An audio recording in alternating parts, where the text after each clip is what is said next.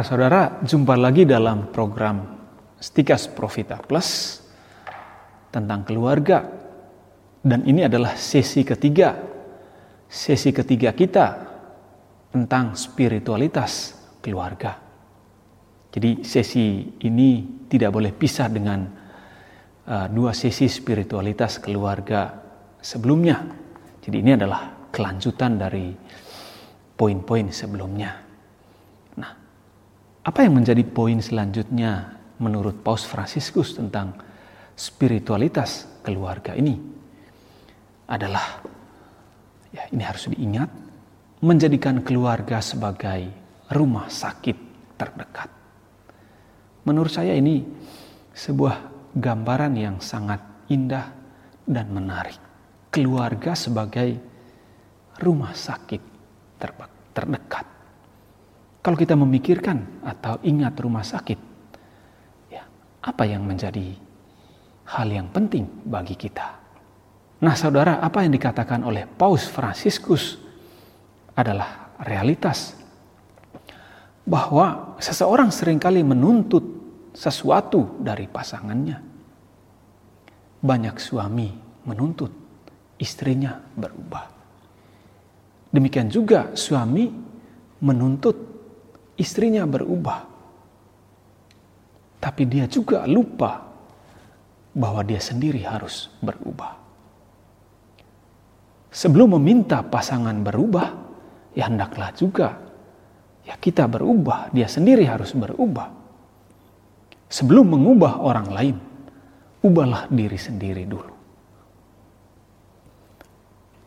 Bagi paus spiritualitas keluarga tidak saja dibangun di atas hidup doa tetapi juga hidup dalam kasih terhadap sesama. Ini kan sesuatu yang real, sesuatu yang praktis harus dipraktekkan. Dalam KTKC tentang keluarga tahun 2015, dia melihat bahwa keluarga adalah rumah sakit terdekat bagi anggota keluarga lain. Mengapa dikatakan rumah sakit terdekat? Karena Allah memanggil keluarga untuk menyalurkan dan merawat kehidupan. Menyalurkan dan merawat kehidupan pasangan. Menyalurkan dan merawat kehidupan bagi anak-anak. Maka di sana ada sebuah kepedulian. Peduli satu sama lain. Mendukung satu sama lain mendorong untuk maju satu sama lain. Ini merupakan bagian dari spiritualitas keluarga. Menghidupi spiritualitas ini tidak lain adalah bentuk paling mendasar dan paling nyata dari dari pelaksanaan cinta kasih. Keluarga menjadi rumah sakit terdekat. Gambaran ini sangat bagus Keluarga menjadi rumah sakit terdekat merupakan sebuah ungkapan spiritualitas yang menunjukkan panggilan hidup berkeluarga untuk merawat dan menyembuhkan satu sama lain. Tentu saja bukan hanya pada level fisik tubuh, tetapi lebih daripada itu, ya, pada level hati setiap orang, setiap anggota. Sayang sekali yang terjadi orang sering kali ya, mencari penyembuhan, perhatian dari pihak-pihak lain. Misalnya kita sebut orang ketiga sehingga bukannya membawa kebaikan, melainkan menciptakan persoalan baru dalam keluarga. Paus mengingatkan keluarga untuk menjadi rumah sakit penyembuhan terhadap anggota-anggota keluarganya. Artinya juga pecahkan persoalan pertama-tama dalam keluarga dan oleh keluarga yang bersangkutan, yaitu dalam rumah tangga sendiri, bukan pada orang lain. Nah, tentu saja kita perlu ya sikap terbuka ya terhadap orang lain. Nah, di sini perlu sebuah keterbukaan dan juga keberanian untuk memberikan pengampunan. Kuasa pengampunan itu pada akhirnya membawa kepada kesembuhan, penyembuhan. Setiap anggota keluarga harus menjadi penyembuh bagi anggota keluarga lain. Keluarga menjadi tempat di mana orang memperoleh penyembuhan, mendapatkan support, memberikan kehidupan, mendukung satu sama lain. Maka setiap keluarga, anggota keluarga harus menjadi penyembuh bagi anggota keluarga lain. Ini tidak berarti tidak boleh meminta bantuan orang lain, tetapi menjadikan keluarga sendiri sebagai tempat perawatan pertama setiap persoalan dan penyembuhan hati-hati yang terluka sangatlah penting di sana. Nah, dengan ini mau menunjukkan bahwa selama membangun keluarga, tidak boleh ada seorang pun yang merasa sendirian dalam menghadapi persoalan-persoalan yang dihadapinya. Ini tentu saja berlawanan dengan mentalitas perceraian yang mewabah dewasa ini. Di mana setelah bercerai, suami berjuang sendiri, istri berjuang sendiri, menghadapi persoalan-persoalannya. Bahkan anak-anak berjuang sendiri. Mereka berjuang sendiri, suami istri berjuang sendiri, entah dalam ekonomi, entah dalam pendidikan anak-anak, dan dalam banyak hal berkaitan dengan keluarga. Dalam kenyataannya, banyak keluarga Katolik dewasa ini mengalami perjuangan sendirian dan merasa sendiri dalam menghadapi berbagai persoalan rumah tangga. Ini menurut saya terjadi karena kurang adanya kepedulian satu sama lain. Kurang terbukanya pasangan terhadap pasangannya. Keluarga sebagai rumah sakit terdekat akan membantu penyembuhan. Mempertahankan keharmonisan dan kedamaian bagi keluarga. Maka jadikan keluarga saudara sebagai ya, rumah sakit terdekat. Tempat kita meminta pertolongan yang pertama. Tempat kita mendapat dukungan, tempat kita mendapat penyembuhan dari segala macam. Ya, sakit, penyakit fisik atau batin, hati dan segala macam. Poin lain dari spiritualitas ini adalah keluarga sebagai lahan subur pengembangan. Di sanalah orang support, mendukung satu sama lain. Paus Fransiskus mengatakan demikian. Kesuburan perkawinan memiliki arti mengembangkan. Karena mengasihi seseorang berarti mengharapkan darinya sesuatu yang tidak dapat didefinisikan ataupun diperkirakan pada saat yang sama memberikan juga cara-cara untuk memenuhi harapan tersebut. Hal ini adalah cara menyembah Allah karena dialah yang telah menaburkan begitu banyak kebaikan di dalam diri orang-orang lain dengan harapan agar kita dapat mengembangkannya. Paus melihat ya, keluarga Katolik sebagai lahan yang siap atau dalam istilahnya lahan pengembangan di mana setiap orang atau setiap anggota keluarga dapat hidup dan bertumbuh.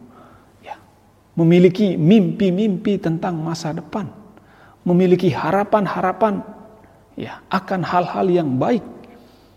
Bukan hanya ya terbatas pada mimpi, bukan pada harapan-harapan, tetapi bagaimana mewujudkan impian tersebut, mewujudkan harapan-harapan yang baik tersebut.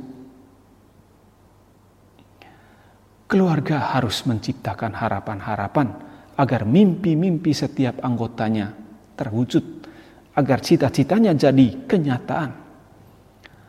Panggilan setiap keluarga adalah mengembangkan hal yang baik. Kalau keluarga kehilangan dukungan satu sama lain, itu bagaikan sebuah lahan yang kehilangan kesuburannya. Kesuburan bukan saja berkaitan dengan keterbukaan bagi kelahiran anak untuk meneruskan keturunan, tetapi juga berkaitan dengan bagaimana setiap anggotanya bertumbuh dan berkembang, bagaikan benih yang tumbuh di atas tanah yang baik, sehingga menghasilkan buah yang melimpah. Inilah yang dikatakan oleh Yesus dalam perumpamaan tentang ya, penabur itu.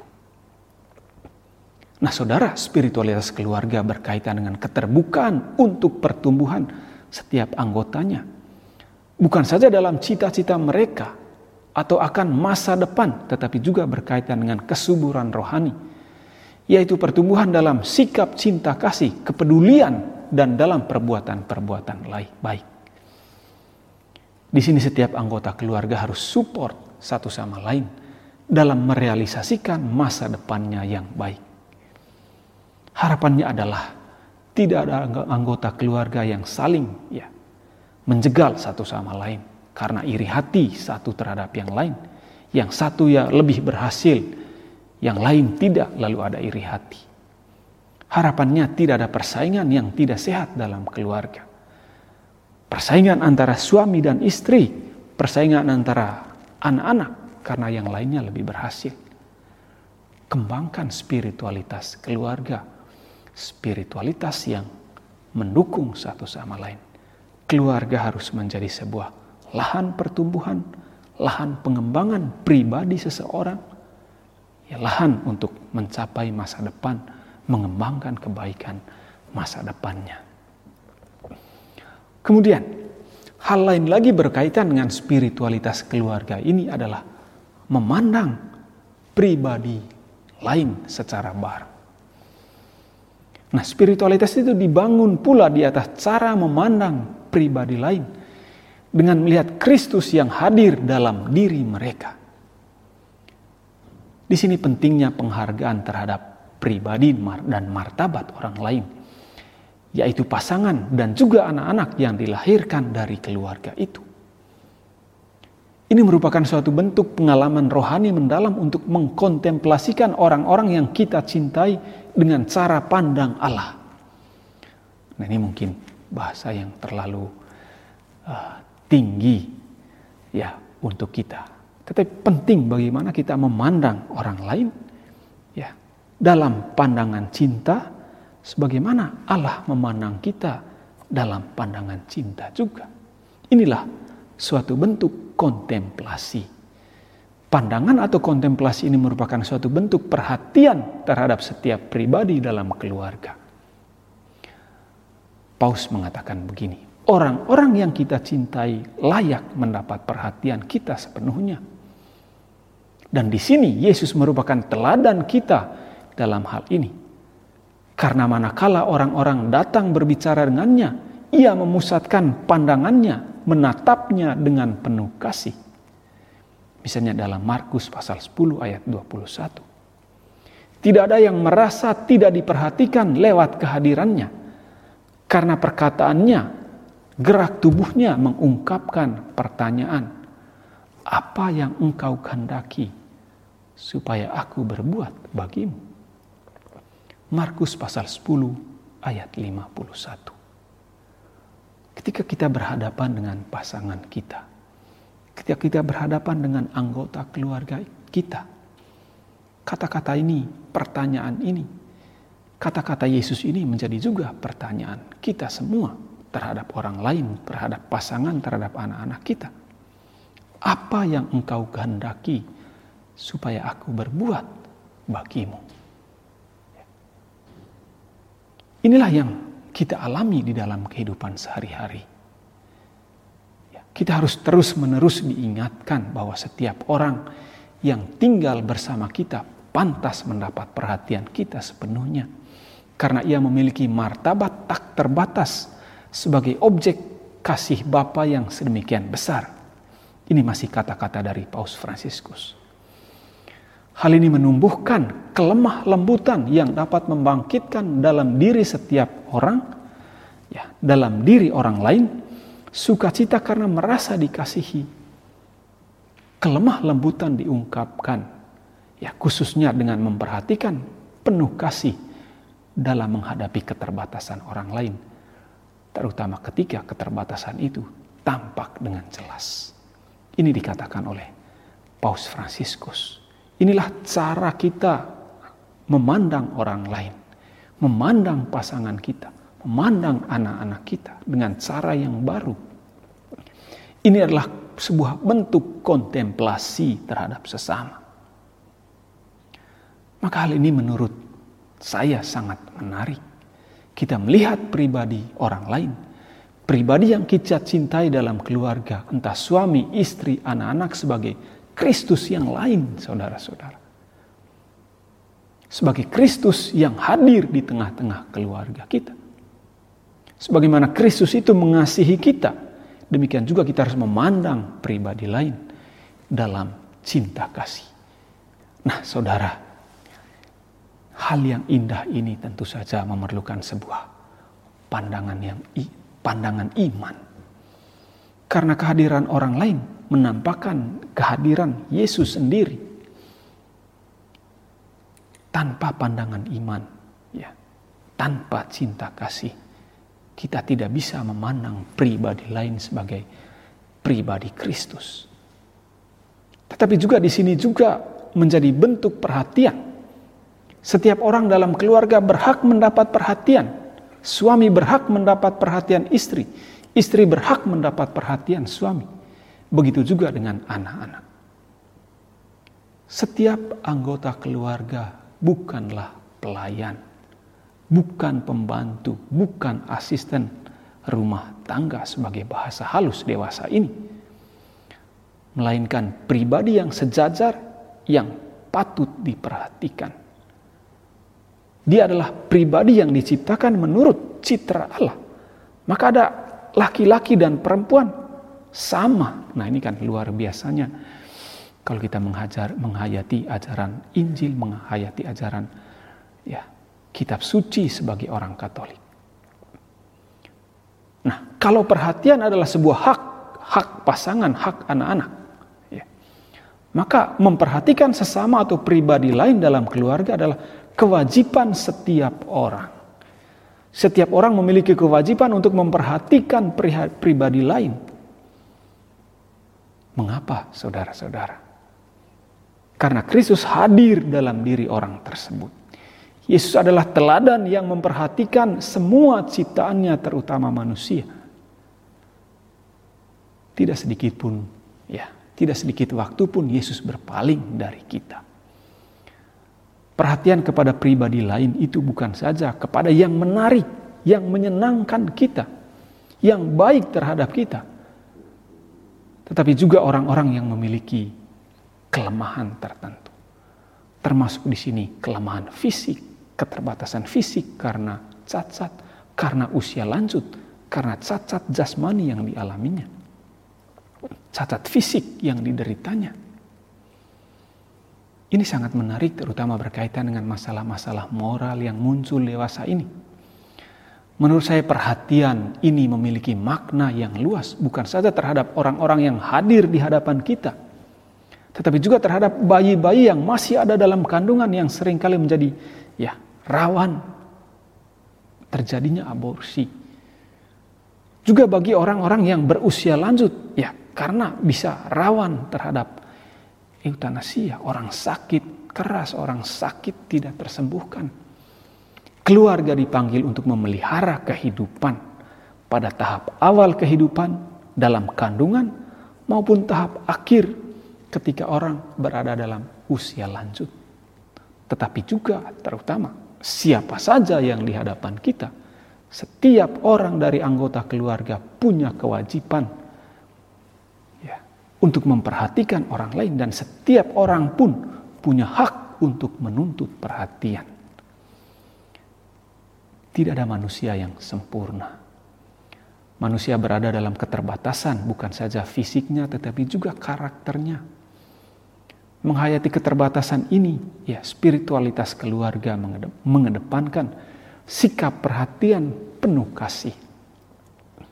Banyak pasangan tidak bertahan karena kurangnya spirit penerimaan, spirit perhatian.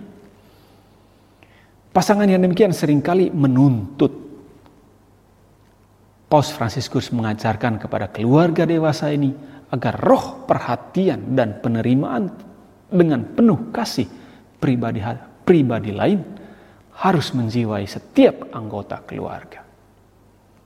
Tanpa hal ini, keluarga berada dalam kegoyahan karena mereka hanya menuntut bukan menerima dengan penuh kasih.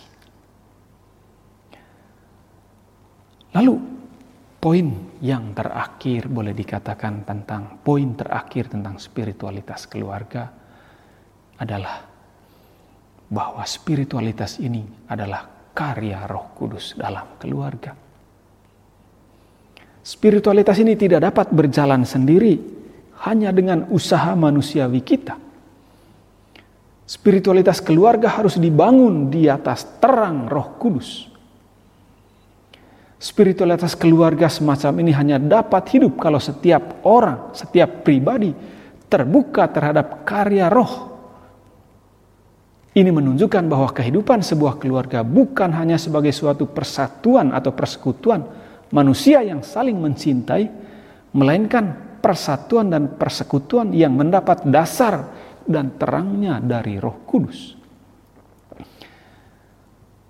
Dengan ungkapan ini, spiritualitas keluarga dapat dihayati kalau ikatan cinta mereka benar-benar diperkuat oleh energi Roh Kudus yang menjiwai setiap bentuk pemberian diri terhadap pasangan dan anak-anak.